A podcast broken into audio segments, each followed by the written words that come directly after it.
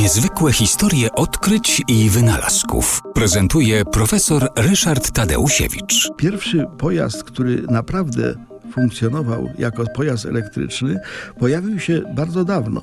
Równolegle właściwie z pracami e, Karla Benza i Gottlieba Daimlera, którzy budowali pierwsze spalinowe samochody. E, Andreas Flocken e, zbudował w 1888 roku samochód całkowicie elektryczny.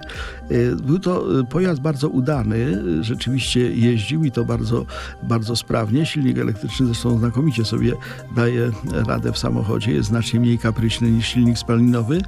Natomiast y, no, jedynym problemem było źródło zasilania. Y, samochód Flokena no, nie miał jeszcze akumulatorów. Te akumulatory nie były rozpowszechnione. Pojęcie ładowania akumulatora było wtedy jeszcze zupełnie nieznane.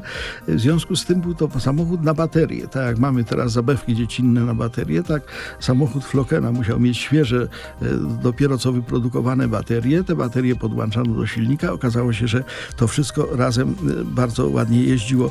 Y, wyglądało na to, że w początkowym okresie właściwie będzie nawet silna rywalizacja pomiędzy y, samochodami spalinowymi i samochodami elektrycznymi.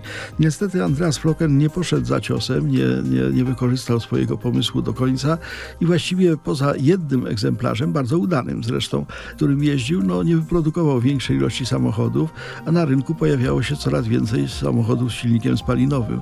W ten sposób benzyna wygrała z elektrycznością. Przypomnijmy, był to rok 1888, no ale teraz ma szansę na rewanż, ma szansę na to, że samochód elektryczny jednak chyba zdominuje nasze, nasze drogi i nasze miasta.